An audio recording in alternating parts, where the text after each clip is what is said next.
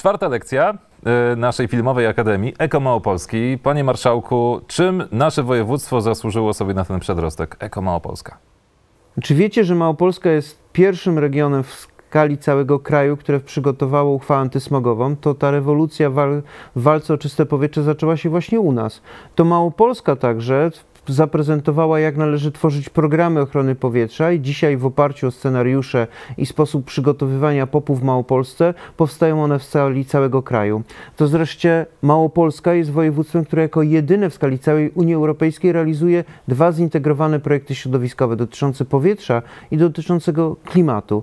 To tutaj także powstał ten projekt jako Małopolska, który ma przede wszystkim skupić się na edukacji ekologicznej i już dzisiaj przynosi pewne efekty. Badamy cały czas opinię opinię publiczną, sprawdzamy jakie są preferencje, wiemy, że coraz więcej Małopolan jest zaangażowanych w walkę o czyste powietrze i uznaje walkę o środowisko jako najważniejsze wyzwanie cywilizacyjne stojące przed regionem.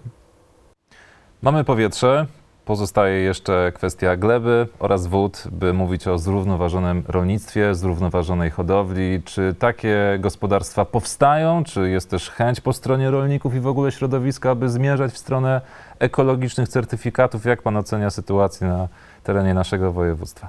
Jak zawsze są liderzy i ci, którzy wolą siedzieć w ostatniej ławce, ale widać coraz wyraźniej tych, którzy chcą zmieniać swój sposób produkcji rolniczej, którzy nastawiają się na taką w działalność bardzo ekologiczną, bo przede wszystkim widzą, że jest coraz więcej odbiorców tego typu czystej produkcji rolniczej. W związku z tym wydaje się, że ten kierunek jest e, w e, przyszłością dla rolnictwa i te zmiany w Małopolsce także widać.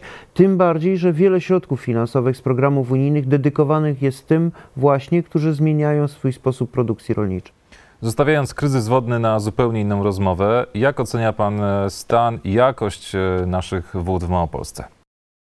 z jednej strony to ten problem wody jako takiej, jej braku i po, poważnych problemów, które wymagają no, takiego bardzo naukowego podejścia i wytłumaczenia, a z drugiej strony czystość e, wód, czystość zbiorników wodnych, która także pozostawia wiele do życzenia. Jestem e, stałym uczestnikiem akcji sprzątania Dłubni, e, małej rzeczki w, Nowej Hucie dopływu, dopływu Wisły. Niestety, co pół roku, kiedy jest organizowana ta akcja, coraz częściej spotykamy się z wbrew e, logice, zdrowemu rozsądkowi, spotykamy się z coraz większą liczbą śmieci, a potrafią ludzie do tej rzeki wrzucić naprawdę wszystko, od wersalki po stary dywan, umywalkę, e, worki pełne śmieci i masę różnych rzeczy, które na pewno nie powinny znaleźć się w rzece. Nie rozumiem tego podczas gdy tak naprawdę te śmieci powinny znaleźć się w miejscach selektywnej zbiórki odpadów e, śmieci. Nie jest tak trudno je zawieźć. Co więcej, gmina je przecież odbiera, a ciągle są tacy, którzy wolą rzekę zaśmieconą od rzeki czystej, która mogłaby być wspaniałą atrakcją turystyczną, miejscem rekreacji, miejscem, do którego przyjemnie jest wrócić.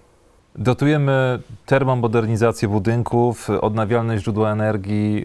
Y, czy, czy w ogóle takie postulaty mogą zmierzać w stronę budowania gospodarki obiegu zamkniętego, czyli takiej samowystarczalnej? Bo takie modelowe założenie, które realizują już powoli niektóre przedsiębiorstwa, nawet na terenie naszego województwa, polega na tym, aby zbliżyć się do tej neutralności klimatycznej, by wszystkie odpady, które tak naprawdę są wytwarzane, były albo degradowalne, albo żeby ten ślad węglowy był niwelowany przez e, te najbardziej odnawialne źródła energii, czyli e, instalacje fotowoltaiczne, farmy wiatrowe i te zielone źródła energii, które wykorzystuje e, przedsiębiorstwo. Czy to jest dobry kierunek zmian?